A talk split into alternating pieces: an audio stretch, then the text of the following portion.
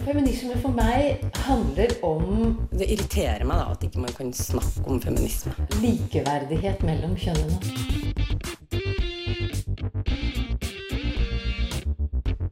Det blikket på kvinnen på film. handlet det om å bli tatt på alvor som jente. Du hører på Et eget rom på Radio Nova. Du kan være privilegert nok til å passere som etnisk norsk, cis-kjønnet eller diagnosefri, men likevel oppleve utfordringene ved å være en minoritet. I dagens episode av Et eget rom diskuterer vi begrepet passing.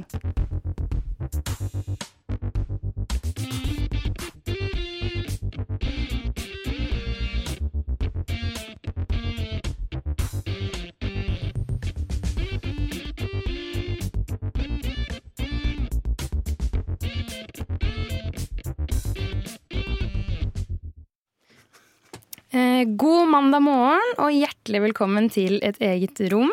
Jeg heter Anita Kristiansen, og med meg i studio har jeg Lisbeth Mangen. Hei, hei. Hvordan har du det i dag, Lisbeth? Jeg har det kjempefint. Jeg er kjempevarm, og jeg ser veldig frem til å komme til et rom hvor man kan ha på vifte.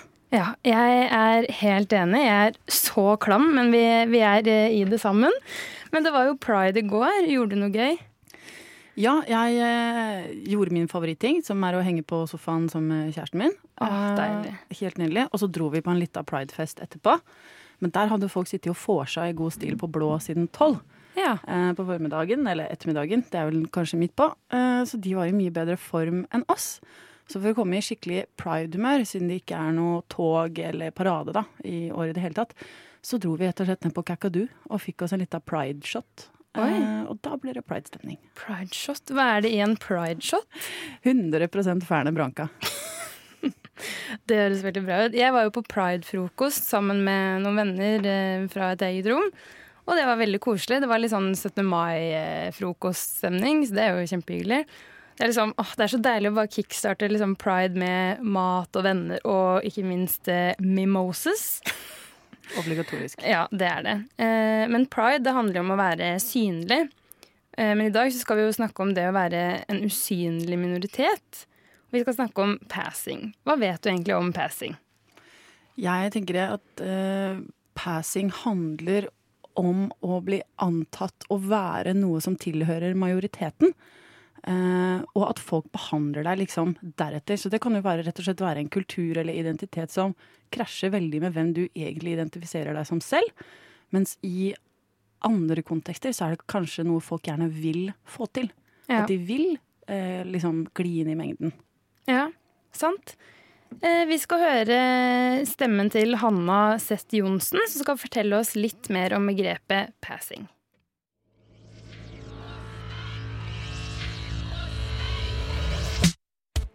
Absolutt eget rom. Et helt ekte eget rom. Et eget rom. Et helt seriøst og morsomt eget rom.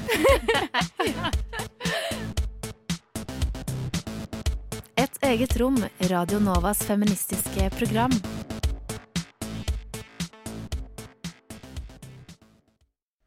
Aria, Jeanne d'Arc, Mulan, de er alle passert som menn.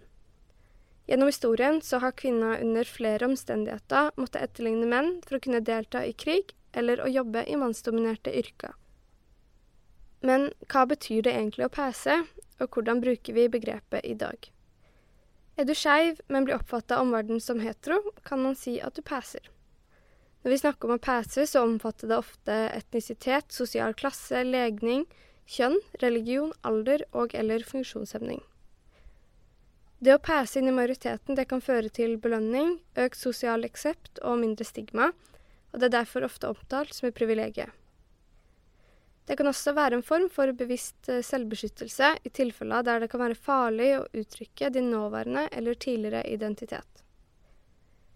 Begrepet eh, hadde sin opprinnelse i USA, hvor det hovedsakelig ble brukt for å beskrive mennesker som var både hvit og svart, og derfor passerte inn i det hvite flertallet.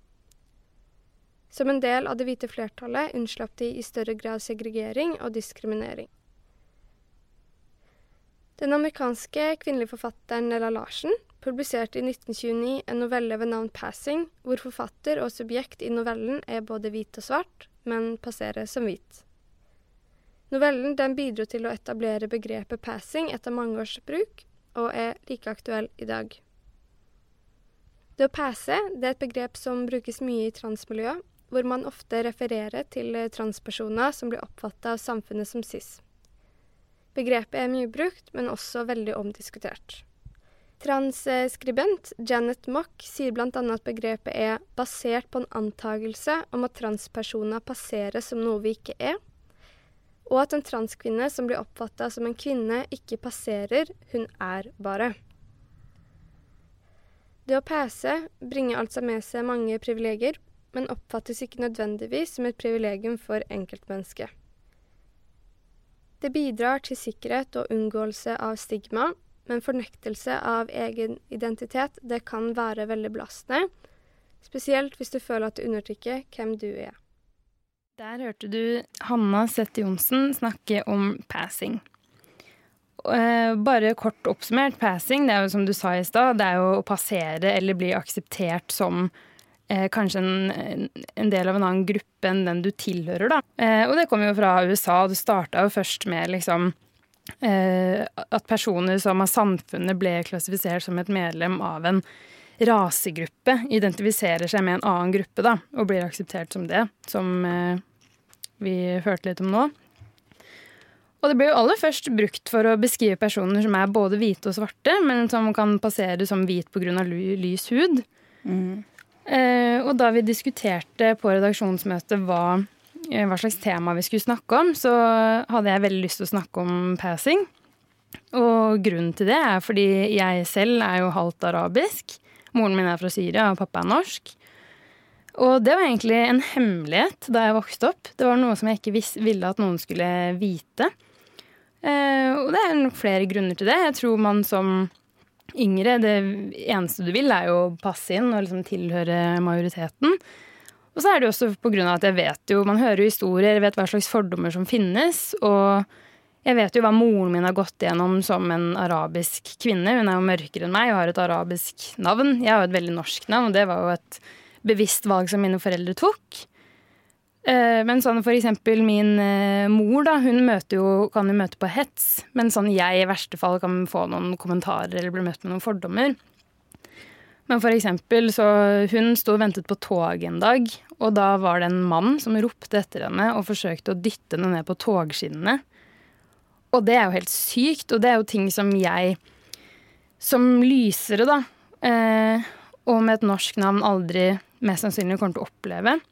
Så jeg syns det kan være vanskelig å liksom ta eh, Liksom bruke stemmen min til å liksom kaste lys på det, for det er liksom Ja, men jeg er jo lys. Jeg er jo på en måte heldig som kan passere sånn sett.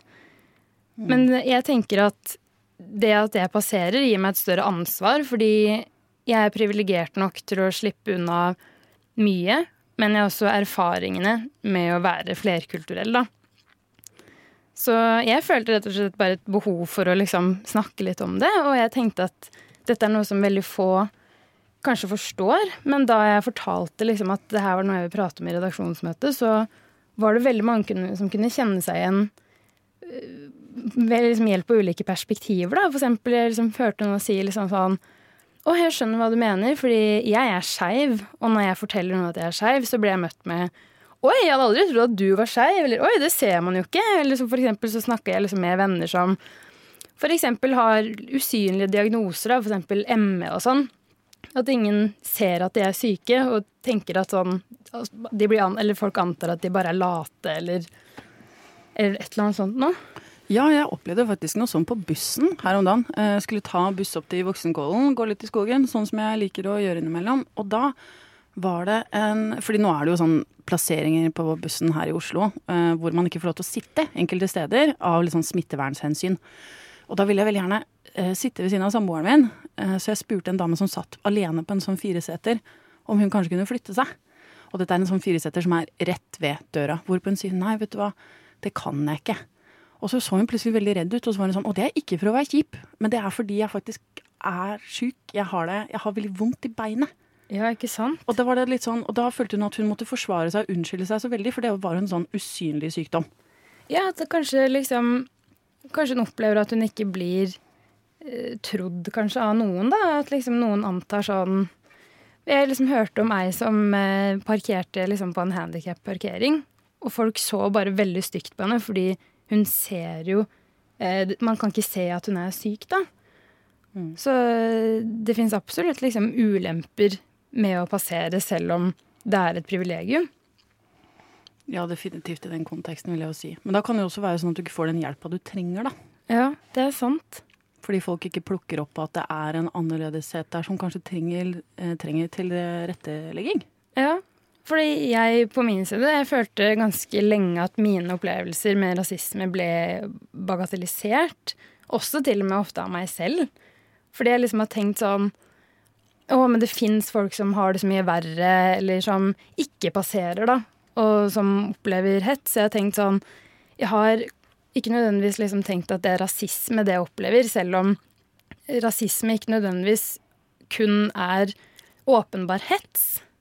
Det er jo liksom masse småting, som når noen spør meg, og jeg får høre for sjuende gang på et får sånn Ja, ja, men hvor er du egentlig fra? Det, jo, det sender jo et signal om at du er ikke som meg.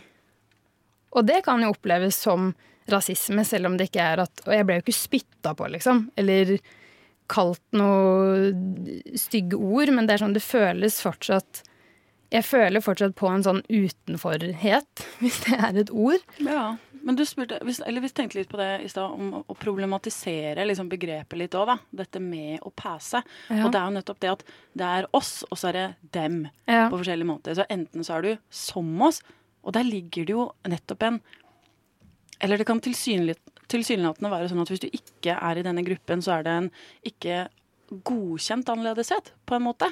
Ja. Um, men jeg vet ikke. Har du eh, Hvordan er det selv for deg? Føler du at du passerer, eller at du er på en måte bare en blanding av noe? En, en annen ting? En tredje ting, liksom? Oh, veldig godt spørsmål. Jeg føler jo liksom sånn Jeg er jo Jeg føler meg ikke som halvt det og halvt det. Jeg føler at jeg er 100 norsk, og så er jeg 100 arabisk. At det ene utelukker ikke det andre, da. Så jeg er jo ikke noe mindre norsk enn vennene mine som har foreldre som heter Ola og Kari, liksom. Nei. Og så er jeg heller ikke noe mindre arabisk enn de som er, som er kanskje litt mørkere enn meg, eh, og som kanskje har litt mer eh, influens av arabisk kultur, på en måte. Du er litt mindre en stereotyp, da. Du er Ja. vanskeligere for andre å plassere. Ja, det er sant. Så da handler det kanskje om et sånn eh, plasseringsbehov, da. Ja, at andre kanskje kan føle at sånn Oi, men hvor, hvor er du? Ja, hvor skal vi plassere deg? Jeg trenger At du deg? passer inn her. Ja, Ja. I denne boksen, liksom. Det er sant. Mm. Men vi skal videre. Men først skal vi høre sangen 'Chokin' med Deborah's Child.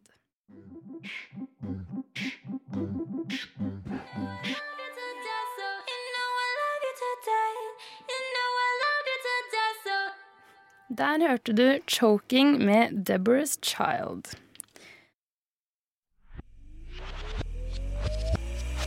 Jamila Jamil. Kanskje et av mine forbilder, som jeg syns er veldig kul. Hennes motto er liksom at så lenge man er opptatt av å lære og utvikle seg, så skal alle få lov til det.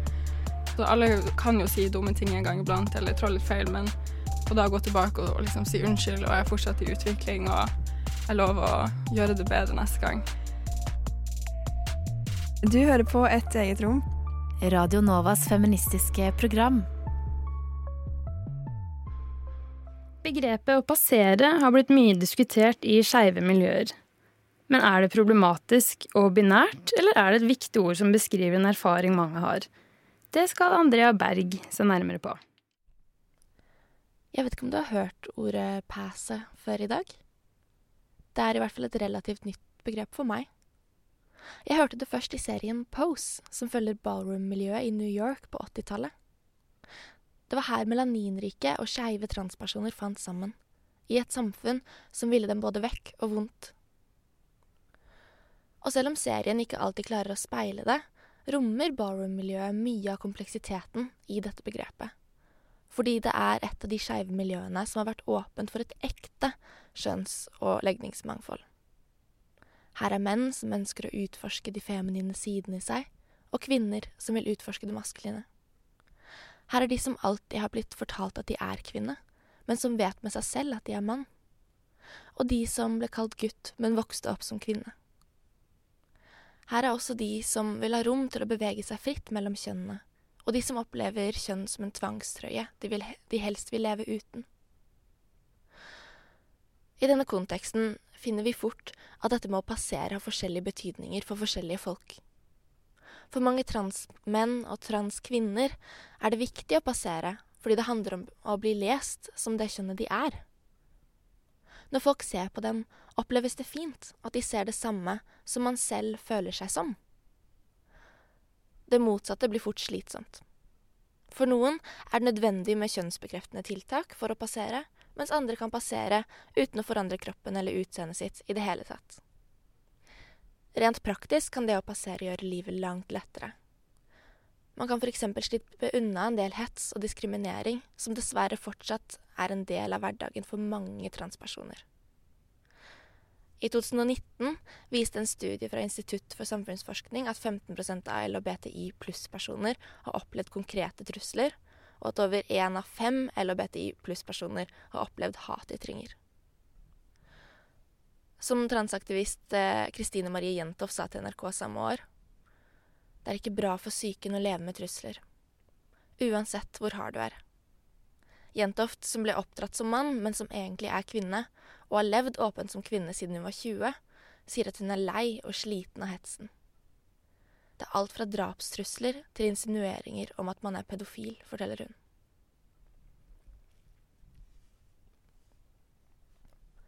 National Center for Transgender Equality i USA fant dessuten at mer enn en femtedel av transbefolkningen har opplevd å miste jobben pga. fordommer.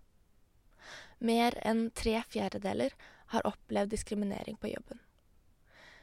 De skriver på sine nettsider at å bli nektet arbeid å oppleve invasjon av privatlivet, trakassering og til og med fysisk og seksuell vold på arbeidsplassen er dagligdagse hendelser. Da kan man forstå at det å passere kan oppleves som en lettelse.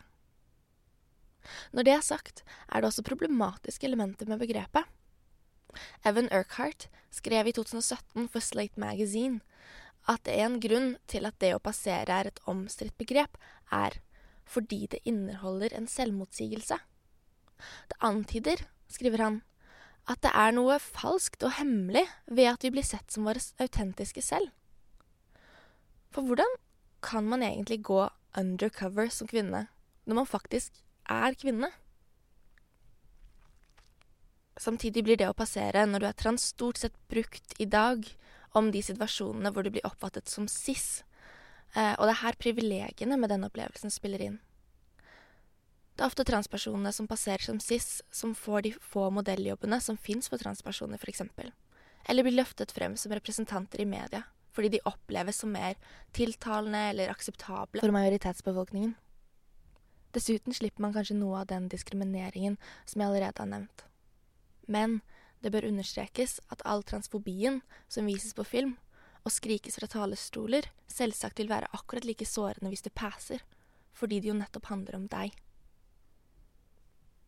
Men til tross for alt det samfunnet utsetter transpersoner for, lever transpersoner i hele verden verdige liv fulle av glede og stolthet. Pride i år har eksempel sett tilbake til sine røtter og dokumentaren The Life and Death of Martha P. Johnson har belyst transkvinners essensielle rolle i å kjempe frem rettigheter for hele bevegelsen. Dokumentaren Disclosure belyser hvor misrepresentert, latterliggjort og vilifiserte transpersoner har vært på lerretet, og slipper stemme til som ønsker å bryte med dette. Å være seg selv, stolt, kompleks og synlig. For å ta transkvinnen som et eksempel Hvorfor antar vi at hun alltid ønsker å presentere seg som ultrafeminin? Er det fordi vi forveksler henne med drag queens? Eller er det fordi vi har en idé om at menn er maskuline og kvinner feminine? Akkurat som kvinner noen ganger presenterer seg som androgyne eller maskuline, uten å være noe mindre kvinne av den grunn, må vi gi transkvinner samme, det samme utfoldelsesrommet. Hvorfor er det et poeng at det ikke skal synes at du er trans? en sterk kjeve med skjeggstubber på, som transikon Sylvia Rivera hadde, gjorde ikke henne til noe mindre kvinne. Altfor ofte snakker vi om transkvinner som om de er kvinner til tross for at de er trans. Akkurat som jeg en gang da jeg var liten sa om min homofile onkel, han er homo, men snill. Motsetningens eksistens er totalt oppdiktet og problematisk. Transaktivist Emily Wanderwerf skrev tidligere i år for Vox om sin reise som en assimilert transkvinne. Dette er begrepet hun litt foraktfullt bruker om seg selv, en transkvinne som passer. Hun skriver som transpersoner skal vi komplisere de binære kjønnskategoriene, ikke opprettholde dem. Ved å prøve så jævlig hardt å passe inn, og vippe den lille kalkuleringen du gjør i hodet ditt når du ser meg, fra mann til kvinne, opprettholder jeg et system som skader både transpersoner og kvinner. Og når vi først snakker om å komplisere kjønnskategoriene, vil det være feil å ikke nevne at det ikke er uvanlig at folk ikke ønsker å plasseres i det tradisjonelle binære systemet i det hele tatt. Enten fordi man befinner seg et sted imellom kategoriene mann og kvinne, eller fordi man ikke ønsker å kjønne seg selv i det hele tatt. Andre igjen ønsker seg rom til å bevege seg mellom de forskjellige kjønnsalternativene. Da blir det ofte feil å bli lest som noe binært i det hele tatt. Wanderwerf ser innover i seg selv med et kritisk blikk, men jeg mener at hovedtyngden av ansvaret skal plasseres hos den gruppen jeg representerer, cis-personer. For hvor flinke er vi egentlig til å inkludere transkvinner i kvinnefellesskap? Som for eksempel mange feministiske rom. Det er fortsatt sånn at flere av de største feministiske organisasjonene i Norge ikke inkluderer transkvinner. Og hvor velkomne er egentlig transmenn blant gutta? Det skal ikke være sånn at transpersoner føler at de må passere for å få innpass. Der hørte du Andrea Berg. Men eh, begrepet passing er jo også mye brukt i transmiljøet. Eh, og da blir det brukt som at du passerer som kjønnet du identifiserer deg med som, da. Og tror du begrepet passing i liksom transmiljøet kan være problematisk på et vis? Jeg tenker at man uh, underbygger uh, noen enten maskuline eller feminine liksom krav til estetikk, da. Dette ja. er et kvinnelig kjønnsuttrykk. Dette er et mannlig kjønnsuttrykk. Allikevel så kan jeg jo bare forestille meg eh, hvordan det er å ikke bli anerkjent som det eh, kjønnet du identifiserer deg som. Jeg vet ikke om jeg vil problematisere det noe mer enn andre skjønnhetskrav til cis-kvinnen og cis-mannen. Um, jeg vil problematisere det som at hvis man da ikke er så passerbar, at man ikke passerer, så syns jeg det vil være Så kan det jo ikke være annet enn ubehagelig å liksom bli spurt og gravd i, på en måte. Litt på samme måte som 'hvor er du egentlig fra?' Ja. Så vil det kanskje komme en 'ja, men du er jo ikke egentlig kvinne', eller 'du er jo ikke egentlig mann'. Så det er kanskje on the receiving end, de som eh, ikke lar deg passere, da? Kan man si det sånn? Hvem er det som er gatekeepers of passing, på en måte? Ja. Er det ditt eget miljø? Er det å eh, fly inn under radaren i et Utenfor et safe space, da, på en måte? Jeg vet ikke. Ja, for det er sikkert liksom det at man vil være kvinne nok, eller mann nok, og kanskje det kan føles Det er liksom vanskelig for meg å si, jeg er jo ikke transperson, men jeg kan jo på en måte bare dra liksom paralleller til uh, passing for min del. Da. At det er liksom Ja, men er jeg ikke norsk nok, på en måte?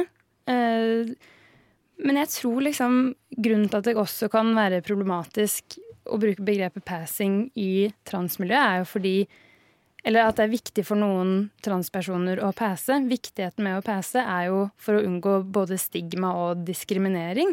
Mm. At du blir jo fortere eller lettere utsatt for både stigma og diskriminering i mange forskjellige typer rom hvis du ikke passerer. Det har du helt rett i, og det slår meg at det kan jo rett og slett være livsviktig å passere noen steder. Absolutt. Og så med tanke på Jeg kan jo på en måte også dra paralleller til det med å søke jobb, da. Og ha et norsk navn eller et utenlandsk navn, og det å passere og ikke passere som trans. Men vi så jo en YouTube-video i stad av eh, YouTuber Robin Jaspers, som selv er transkvinne. Der hun kommer med tips og triks til hvordan man kan passere Um, som når man er transperson, da. Mm, nemlig. Og, da, ja, og da tenkte jeg litt sånn OK, jeg skjønner at for dette her så kan det være kjempehjelpsomt, og at man liksom oppsøker tips til hvordan man kan på en måte føle seg mer vel i kroppen sin. Men jeg tenkte, jeg kunne ikke la være å tenke at det her er jo også litt problematisk, for det kan jo også liksom fòre opp under det med liksom Slik blir du kvinne nok. Hva tenker du om det? Jeg tenker at det definitivt er en feminin stereotype. Um, men det var jo ikke noe Jeg fikk aldri inntrykk av at det var liksom karikert heller, sånn sving ekstra med hoftene. Det var jo ganske praktiske tips, rett og slett. Det var ja. hvis du ikke har bryster ennå, uh, hvis du ikke liksom, ser ut som du kommer til å få det med det første, så kjøp deg en bh med silikoninnlegg. Kjøp deg en vann-bh. Og så ja. Eh, går hun videre med å utdype hvordan det føles og oppfattes av andre. Og det er jo en ganske stor del av en feminisering. Ja. For det er jo ikke slik at alle bor i land hvor man får kjønnsbekreftende operasjoner. Det er ikke sikkert at alle ønsker seg egne bryster heller. Eh, så det syns jeg var fint. Og så var det jo litt sånn, vet du hva, har du ikke noe hofter? Ikke noe problem. Ta så Heis opp buksa. Highwaist er liksom the highway. Det er den eneste måten hun ruller på. Ja. Og her er det jo litt sånn at eh, Hvis du og jeg sitter og ser på en sminkevideo, sant, så tenker man jo ikke nødvendigvis Nå har jeg fått eh, tips om at det, det, er sånn man sminker seg, da må jeg gjøre det sånn. Man finner vel kanskje sin egen vei eh, på en måte uansett. At man tar litt tips og triks her og der. Ja. Så det blir litt sånn storesøstervideo, da.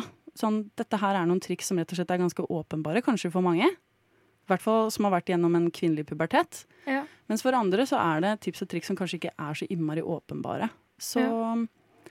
Ja, nei. Men hun har jo lagd en låt også, som er utrolig fin. Skal jo, den skal vi høre på nå, og den heter 'Give Me A Minute', og er da av Robin Jaspers. So give me a minute, give me a minute, yet it's comforting. He has no joy to bring. Der hørte du altså 'Give Me A Minute' av Robin Jaspers. Eh, som nevnt så er hun selv transkvinne og har snakket eh, en del om det med passing. Så hvis du er interessert, så kan du jo sjekke ut eh, YouTube-kanalen hennes. Der søker du bare på Robin Jaspers på YouTube. Men eh, som sagt, da vi Et eget rom-redaksjonen snakket om det her temaet for, for denne sendingen, så kom det fram et perspektiv jeg faktisk aldri har tenkt over. Og det er nemlig det å være usynlig syk. Hvis man har en diagnose, men man passerer da som en person uten denne diagnosen fordi det er en sykdom som man ikke kan se. Mm. Tror du det er noen ulemper med å passere Jeg veit det er ulemper. Jeg vet det er ulemper. Vi har jo ganske sånn typisk problem for um, jenter i barne- og ungdomsskolealder med ulike typer lærevansker så har det vært en greie med at man tror at alle med ADHD er utagerende og har mark i rumpa. Så når man ikke sier ifra om at man sliter, og heller retter en type sånn kritikk inn mot seg selv, da, ja. så får man ikke den hjelpen man trenger, som er et typisk problem for jenter med dysleksi, med ADHD. Uh, eh, som ikke har dette typiske maskuline, utagerende mønsteret. Og rett og slett få hjelp. Uh, Sjæl så er jeg heller ikke nevrotypisk, og har jo opplevd at uh, både steder jeg har vært ansatt, steder jeg har studert, og i ulike verv, så har det blitt antatt at jeg fungerer på helt lik måte som alle andre. Og ja. jeg har jo antatt det om meg sjæl. Uh, da jeg ikke har fått utredning eller hjelp før jeg var liksom langt opp i 20-åra. så jeg vil jo si at det er en ulempe på den måten at du ikke nødvendigvis får den hjelpen du trenger, eller at folk er hypp på å hjelpe deg, men hjelper deg på premissene til en f.eks. nevrotypisk person. Ja. Sitter jeg i møte hos en psykolog som har vinduet oppe, og det er masse lyd, f.eks., så klarer ikke jeg å følge med på hva hun sier i det hele tatt. Jeg klarer ikke å få med meg så veldig mye. Fordi jeg bare obsesser på uh, den støyen. Jeg er veldig var på støy. Jeg blir lett distrahert av det, og så liksom hyperfokuserer jeg på noe annet. Og det er jo ikke noe man tenker på, med mindre man nettopp har veldig erfaring med folk som sliter litt med det samme som meg. Ja, så får man jo kanskje et enormt ansvar selv slengt i fanget, da, på å drive og opplyse folk hele tiden sånn Hei, det med støy er litt vanskelig for meg.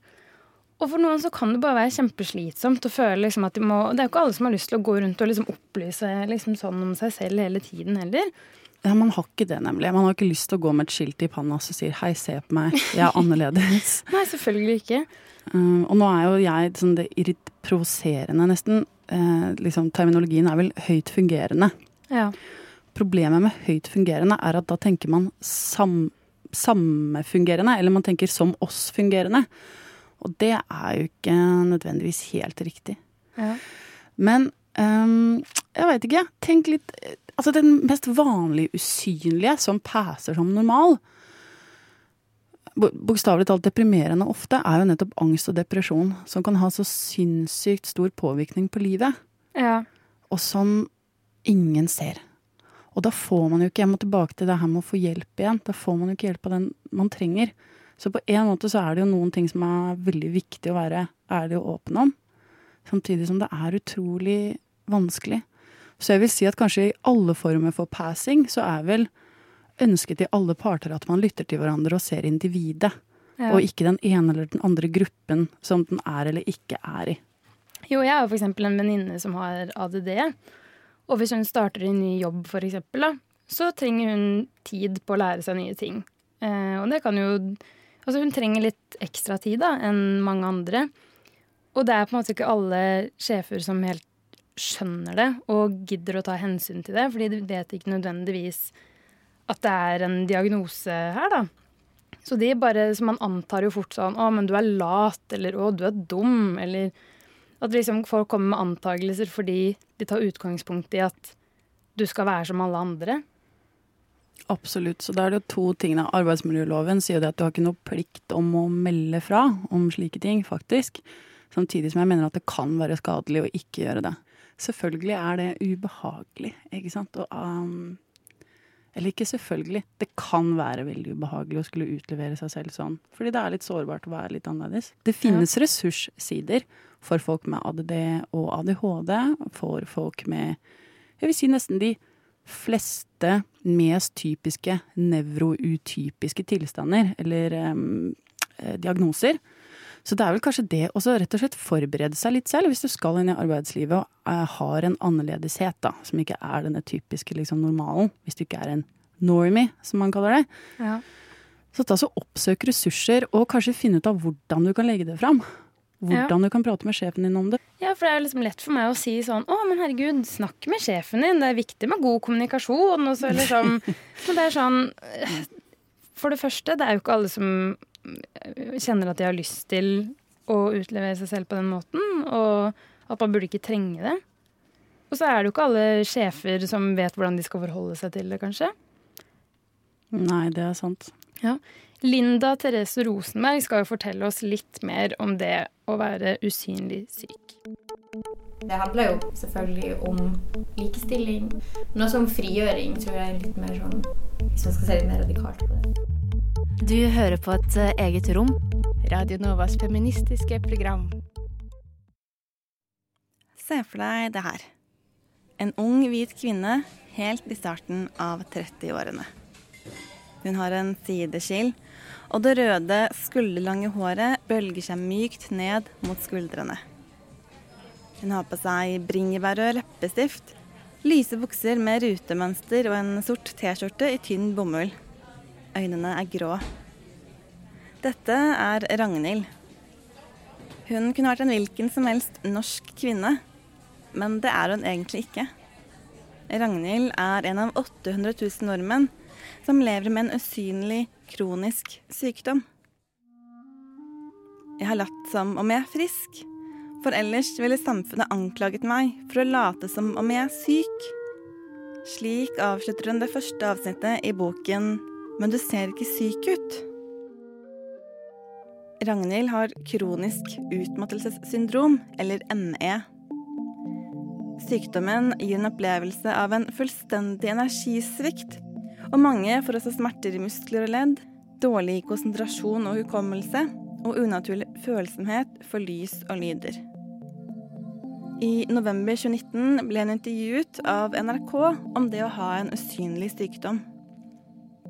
Jeg vil bare at man skal bli trodd, er noe av det aller første vi leser om henne. Omtrent én av fire nordmenn har til enhver tid langvarige plager knyttet til muskel- og skjelettsystemet. En av dem er student ved NTNU i Trondheim.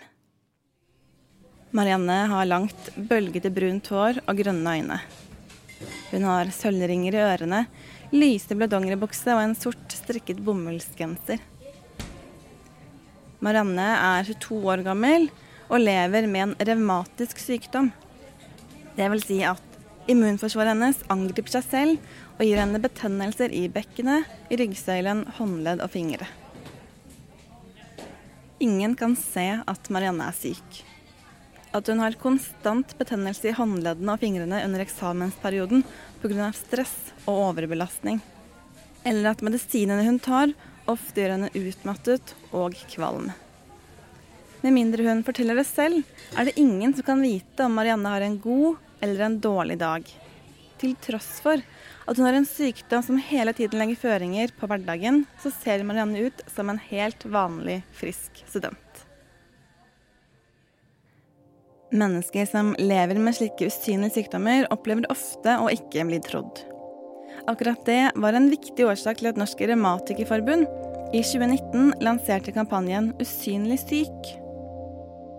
På forbundets nettsider forteller generalsekretær Bente Slåtten at ensomhet og lav livskvalitet er et resultat for mange som lever med smerter og kronisk utmattelse. De tar seg sammen for å fremstå som friske sammen med andre, men er totalt utslitt hjemme i trygge rammer hvor ingen kan se dem. Dermed bruker de alle kreftene på å mestre dagligdagse gjøremål, som å være på skolen eller i jobb men de har lav livskvalitet og vet ikke hvordan de skal leve godt med sykdommen. Mange blir ikke trodd når de forteller om situasjonen sin. De blir beskyldt for å være late, eller at det er noe de innbiller seg. Vi hører om mange som får beskjed om å ta seg sammen. Omverdenen forstår ikke at smerten og utmattelsen de lever med, er ekte, og at det må tas hensyn til. Hvordan er det å passere som frisk når du egentlig er syk? I en kronikk i Aftenposten i 2014 skriver ME-syke Freddy Fjellheim. Når jeg parkerer med HC-kort i bilvinduet og stavrer av gårde, opplever jeg gjentatte ganger at folk hveser ut sin forakt. Som om rullestol var det eneste kriterium for bevegelseshemning. Når jeg etter dagers forberedende hvile får kreket meg til en flyplass og mottar spesialassistanse, skjer det samme. Ingen av disse som vurderer og evaluerer medmennesker, vet at en ME-pasient må hvile i timevis både før og etter en kort bytur, og kanskje i dager etter en flyreise. Ofte med store smerter. Karoline er 19 år. Hun har mørkebrunt, kort hår med en perlespenne i og brune øyne. Hun har på seg rød leppestift, et sort skjørt som rekker nesten etter knærne, og en hvit T-skjorte. Karoline har slitt med sosial angst siden åttende klasse, og droppet ut av videregående skole etter seks uker. Det er først i år at Karoline har klart å ta bussen eller gå inn på et handlesenter alene. Det er først i år at hun har klart å gjennomføre ukentlige aktiviteter som innebærer å møte på andre mennesker. Likevel så ser Karoline ut som en helt vanlig 19-åring. I et magasin om psykisk helse skriver bipleier Stine Nilsen om det å være usynlig syk. Det kan være vanskelig å forstå det du ikke ser eller det du ikke opplever selv. Det er faktisk en viktig del av behandlingen å kunne være sosial, være fysisk aktiv og føle på en tilhørighet. Dessverre er det slik at det for noen ikke er mulig å fungere 100% på alle områder i livet. Og dermed så må man tilpasse og prioritere hva man kan gjøre. Når du er usynlig syk, blir dette ekstra vanskelig. For i tillegg til alle plagene du må leve med, må du også leve med all mistenkeliggjøringen anklagene om at du umulig kan være så syk som du sier at du er. Det du uansett ikke ser, er at det koster. De gode periodene koster ekstremt mye energi og krefter, og kan utløse enormt mye smerte og ubehag. Se for deg at du sitter på en fortauskafé og ser på menneskene som går forbi. Klarer du å se hvem som er død, har kronisk migrene, senskader fra kreftbehandling eller en nervesykdom som MS?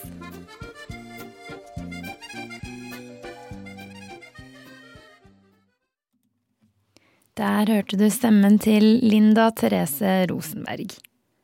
Vi skal snart avslutte, men før det så skal vi få ukens feministiske nyheter servert av Katrine Opheim. Du hører på Et eget rom.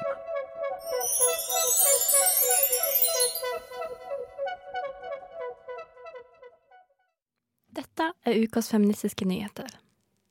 Politiets nye rapport om hatkriminalitet viser at antallet anmeldte saker øker, og at motivet som oftest er knytta til etnisk tilhørighet eller rase.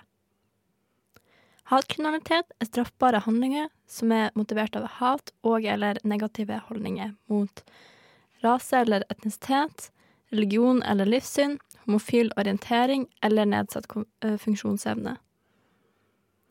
Siden politiet begynte å føre denne statistikken i 2015, har antallet anmeldelser blitt mer enn fordobla, en økning på hele 126,8% I 2019 var det 533 saker, en økning på 17,1% fra 2018. NRK meldte denne uka at det i fjor var 75% flere voldtektsdommer i Sverige enn før den nye samtykkeloven ble innført den 1. juli 2018. Loven innebar at flere handlinger ble regna som voldtekt, bl.a. sex med personer som ikke uttrykker et tydelig ønske om å delta, eller som ikke tydelig sier ja. Generalsekretær i Amnesty International Norge sier til NRK at økninga viser at lovendringa har hatt effekt. Amnesty har i mange år jobba for at Norge skal innføre en samtykkelov. Helsedirektoratet har vedtatt nye retningslinjer for behandling av personer med kjønnsinkongruens. Kjønnsinkongruens er en diagnose som erstatter det som tidligere ble kalt transseksualisme og andre kjønnsidentitetsforstyrrelser, i den oppdaterte diagnosemanualen til Verdens helseorganisasjon, WHO. Altså er det en diagnose mange transpersoner får i møte med helsesystemet. Retningslinjene innebærer annet at Rikshospitalets behandlingsmonopol skal desentraliseres, at pasientene får mer differensierte muligheter for behandling, og skal oppleve behandlingstilbudet som mer tilgjengelig. Blant annet vil ikke-binære personer nå kunne få helsehjelp. Endringen er en respons på brukere og fagpersoners årelange kritikk av eksisterende behandlingstilbud. Den kommer også i kjølvannet av at kjønnsinkongruens nå kategoriseres som en naturlig del av mangfold innen helse og kjønnsidentitet, og ikke som psykiatrisk sykdom av Verdens helseorganisasjon. Det var ukas feministiske nyheter. Der fikk du ukens feministiske nyheter levert av Katrine Opheim. Hey, yo. You don't have to love me. You don't even have to like me. But you will respect me. Cause I'm a boss. Et eget rom. Radio Novas feministiske program. Men nå er det på tide å stille favorittspørsmålet til vår kjære redaksjonsleder Andrea. Lisbeth, hva har du lært i dag? I dag har jeg lært at man kanskje ikke skal anta ting om folk basert på en gruppe man tenker at de passer inn i. Ja. Og at man kanskje skal spørre hvis man er nysgjerrig, men på en litt høflig og mjuk måte. Det er ikke sånn at man har krav på informasjon heller. Kanskje man skal holde seg for god til klisjeene som 'hvor kommer du egentlig fra'? Ja, fordi det jeg, det jeg merker, er at formulering eh, har veldig mye å si for meg. Eh, for liksom hva signalene er, da. Fordi hvis man sier 'hvor er du egentlig fra', eh, så er det som å signalisere liksom du er ikke en av oss, som jeg snakka litt om i stad. Men hvis man sier oi, liksom Har du familie fra et annet sted, eller er du helt norsk? Det for meg er et helt annet spørsmål. For det er sånn nei, jeg er ikke helt norsk, og jeg forteller deg gjerne om meg selv og min familie. Så det er også noe å tenke på, sånn med tanke på andre grupper òg, der eh, passing er eh, relevant, f.eks. Så jeg tror det er et viktig poeng at du har ikke krav på informasjon. Ja, og så slutt å kødde så mye med stereotyper, vil Ja. jeg liksom skyte inn. Slutt å bare 'herregud, jeg er så ADHD, ass', eller 'gud, du er så jækla nerd, er du helt aspy'? Ja. Bare, bare sånn vær, eh, vær hensynsfull. Tenk Ja. at den ved siden av deg kan jo være akkurat den du står og pisser på. Det er faktisk helt sant. Can I begin?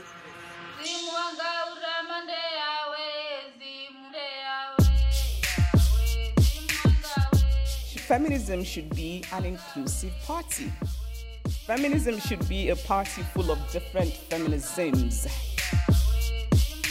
Du hører på Et eget rom på Radio Nova. Please go out there and make feminism a big, raucous, inclusive party. Eh, Vi i et eget rom vi tar en liten sommerferie nå. Og så høres vi over sommeren, med mindre det klør i noens radiofingre eventuelt. Time will show. Har du noen planer i sommer, Lisbeth? Ja, jeg skal ned til Sørlandet og kose meg på båt. Ah, deilig. Hva med deg? Nei, jeg skal jobbe litt, faktisk. Og så skal jeg på hyttetur. Og det gleder jeg meg veldig til. Jeg har jo reist fryktelig lite i Norge. Så jeg ser liksom frem til liksom å se mer av eh, vårt deilige land. Gud, så trendy. Ja. Nei, men I studio i dag så har du hørt eh, Lisbeth Mangen. Jeg heter Anita Kristiansen. I tillegg har du hørt Hanna Seth Johnsen, Linda Therese Rosenberg og Katrine Oppheim og Andrea Berg. På vei ut får du Hypnodancer av Little Big. God sommer. God sommer! God sommer!